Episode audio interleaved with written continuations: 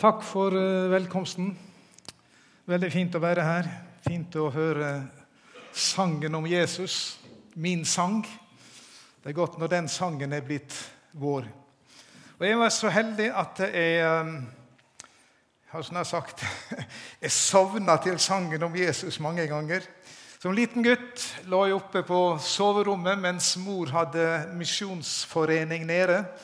Og de sang, og de spilte gitar. Og det var jo um, fint, det. Men noen ganger så sovna man til det. Men det gikk an når man var en liten gutt. I alle fall så er det fint at det sangen om Jesus er blitt min sang. Han er blitt din sang, du som er her sikkert i kveld. Nå skal jeg dele et uh, vers med dere fra Salmenes bok, Salme 84. Og Der skal jeg lese det fjerde verset i Jesu navn. Der står det slik.: Spurven har funnet et hjem.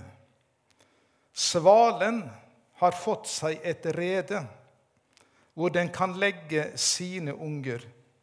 Ved dine altere, Herre Sebaot, min konge og min Gud. Når vi leser Bibelen, så ser vi jo at uh, fuglene de er nevnt flere ganger når uh, den skal forklare en sannhet. Vi kjenner jo til at Jesus han sa når det gjaldt de timelige bekymringene som vi ofte har, så sier han det at se på himmelens fugler. De sår ikke, de høster ikke, de samler ikke i lader. Men eh, den far vi har i himmelen, han før de allikevel.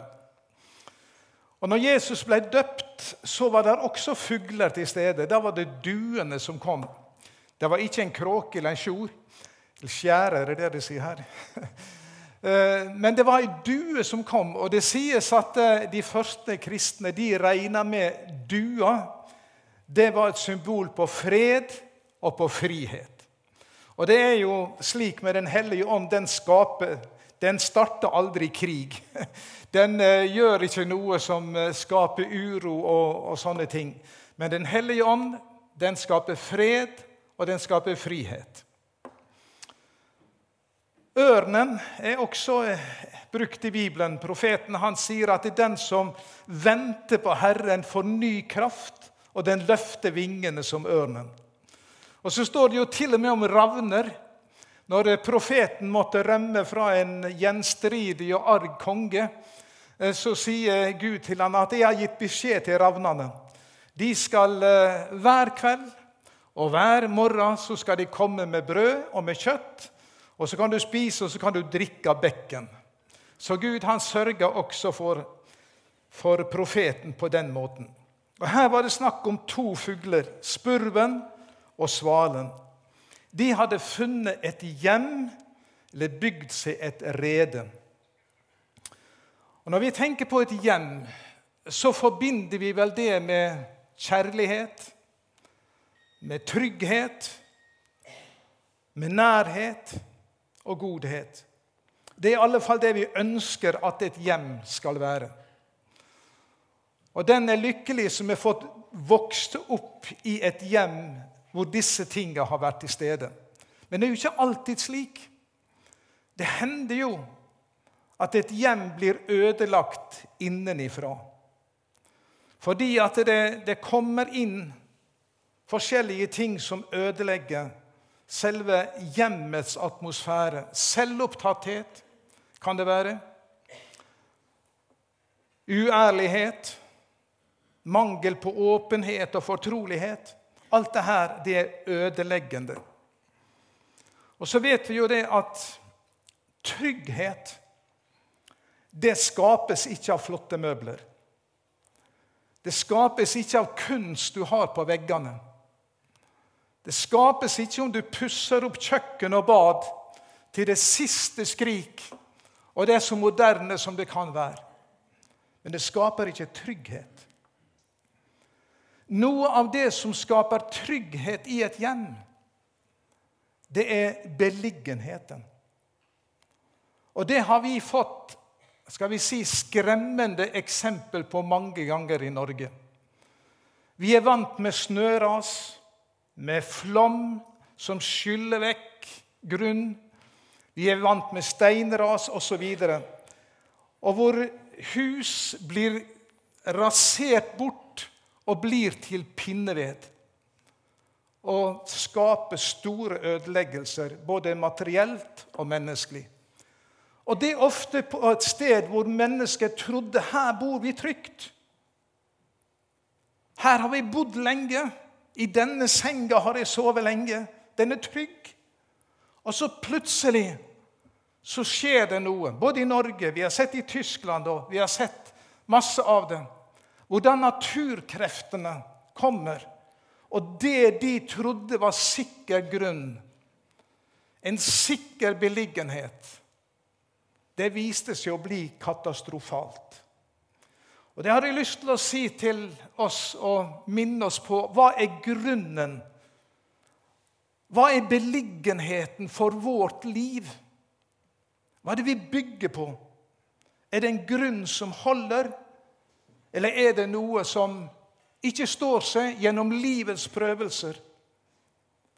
Står seg innenfor døden, står seg innenfor evigheten. Hvilken grunn har vi bygd våre liv på? Vi leste her om svalen og spurven. De hadde funnet seg et sted hvor de kunne bygge et hjem, et rede.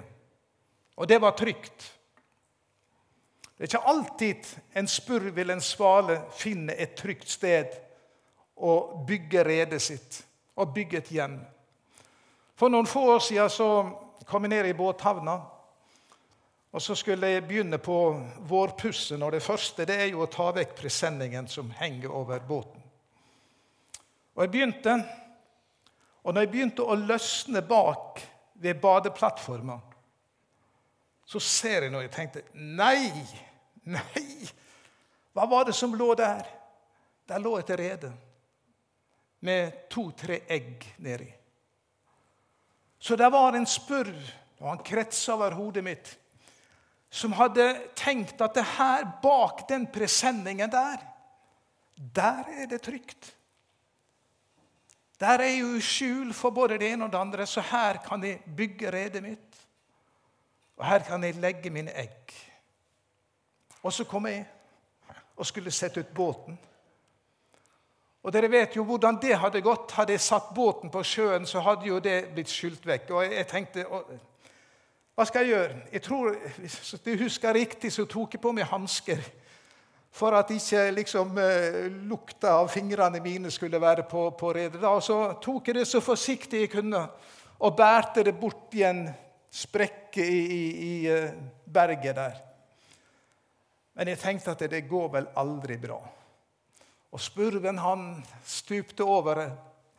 Så gikk jeg ned et par dager etterpå, når jeg kom ned, så tenkte jeg jeg får gå bort og se. Og det hadde jo skjedd det jeg var redd for. Egga de var knekt, og reiret det var ødelagt.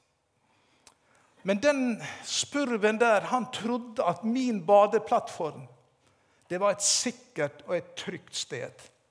Men det var det jo ikke. Men den spurven og den svala som vi leste om her, de hadde funnet et trygt sted. Hvor hadde den lagt reiret sitt? Jo, vi leste det her. Ved dine alter, Herre Sebaut, min konge og min Gud. De hadde funnet et Guds alter, han bruker jo bildet her, hvor de hadde lagt sitt rede, bygde og lagt egga sine. Nå taler jo Bibelen om, om, mange alter, og der er jo snakk om avgudsalter også. Og De som tilber ved avgudsalterene, vi vet jo åssen det går med det. det. Det skaper ødeleggelse, det skaper det som er vondt og vanskelig. Men Gud har reist opp et alter. Og det gjorde han på Golgata, der hvor Jesus Kristus i sin kjærlighet døde for våre synder. Når Johannes skriver i sitt brev, så sier han ikke bare for våre, men for hele verden. Så det er det alteret Gud har reist, og hvor vi kan få lov til å bygge vårt liv. Og det er et alter hvor det holder det som Gud har gjort. Når Gud reiste dette alteret på Golgata, og hvor Jesus bringer seg sjøl fram som et sonoffer, et syndoffer for all verdens synd, så sier også Paulus når han skriver sitt brev til korinterne ingen kan legge en annen grunnvoll enn den som er lagt Jesus Kristus. Og Hebreabrevet sier at, at han kan fullkomment frelse den som kommer til Gud ved ham. Så der er altså et sted vi kan få bygge vårt liv. På en grunn, en beliggenhet, som er helt sikker. Den holder gjennom livets prøvelser. Den holder i døden. Den holder innenfor evigheten. Det er en sikker og en fast grunn. Og Når det står at han kan fullkomment frelse de som kommer til Gud ved ham, så kan vi jo ikke legge noe til. Jeg kan ta et eksempel for at For vi, vi kjenner jo, og vi føler, og vi kjenner etter igjen hvor frelst vi er eller ikke frelst vi er, og, og alt det der. Og, og noen ganger så er det lett å snike seg inn en, en, en, eh, tanke om at vi har ikke gjort nok, vi har ikke vært bra nok, vi har ikke fått det til nok, vi ber ikke nok, vi leser ikke nok, osv. Og, så og så kommer fordømmelsen snikende. Men den som har bygd sitt liv på denne grunnen, den er fullkomment frelst. Så du ser om du, om du hadde vært en, skal vi si, en superevangelist og reist i Afrika, og så kunne du skrive hjem om at du hadde store kampanjer av tusener som ble frelst. Jaha. Og så ligger der en broder eller en søster på sykehus hjemme i Norge og ikke får gjort noen ting. Men vedkommende har bygd på grunnvollen. Hvem er mest frelst? Er det superevangelisten? Nei, det er jo ikke det. De er akkurat like godt frelst om man er bygd på den grunnvollen som heter Jesus Kristus. For den frelse, den er fullkomment. Fullkomment frelse de som kommer til Gud ved ham. Og Jeg håper det at det er vi som er her i kveld, at vi er kommet inn på denne grunnvollen. At vi kan stå der, leve der, dø der. Det holder i tid, og det holder i evighet. Og Der står et fint vers som Paulus skriver i, eh, i Romerbrevet. Jeg har lyst til å dele det kapittel 8, det er så kjent. Hva skal vi da si til dette? Er Gud for oss? Hvem er da imot oss? Han som ikke sparte sin egen sønn, men gav han for oss alle. Kan han gjøre noe annet enn gi oss alt med ham? Vi er på sikker grunn. Salige visshet. Jesus er min. Og denne svalen som vi leste om, og spurven, den hadde ikke funnet seg et hjem, et rede, bare for seg selv. Men den hadde bygd et rede hvor den kunne legge sine unger. Ved Guds alter. Barna er vel det kjæreste vi har, vil jeg tro. Og de eh, gir oss jo mye glede. Så kan de gi noe bekymring, og de kan enda gi oss noe sorg. Ikke sant? Og de kan eh, skaffe oss prøvelser. Og vi kan ha mange andre bekymringer, mange andre prøvelser. Hvor skal vi legge det hen? Hvor skal vi legge Våre barn, våre barnebarn, våre, våre vanskeligheter, våre utfordringer. Hvor skal vi legge det hen? Ved dine alter, Herre Sebaot. Jeg sa at Gud hadde reist et alter på Golgata, men der han har reist et alter til. Og det kalles i Det nye testamentet for nådens trone. Og Der står det at vi kan med frimodighet tre fram for nådens trone, så vi kan finne barmhjertighet og få nåde som gir hjelp i rette tid. Bekymringer og prøvelser kan være vanskelige. Men det finnes altså et sted vi kan få lov til å legge dem. Ved nådens trone. Og så sier Bibelen da at vi skal få hjelp i rette tid. Det er et sted du kan gå med dine bekymringer. Det er et sted du kan gå med dine byrder. Det er et alter Gud har reist, et bønnealter, hvor Han har lovt å lytte til. For den som ber, den skal få. Den som leiter, den skal finne. Og den som banker på, skal det bli lukket opp for. Og Hebreerbrevet sier det slik Så har vi da, søsken, frimodighet ved Jesu blod til å gå inn i helligdommen. Inn til denne nådens trone for å få hjelp. Da har ikke vi frimodighet fordi at vi har vært så prektige. Vi har jo gjort så mange gode gjerninger. Vi har jo stilt opp både her og der. Ikke derfor. Nei, frimodigheten vår, den ligger i Jesu blod. Og bare der.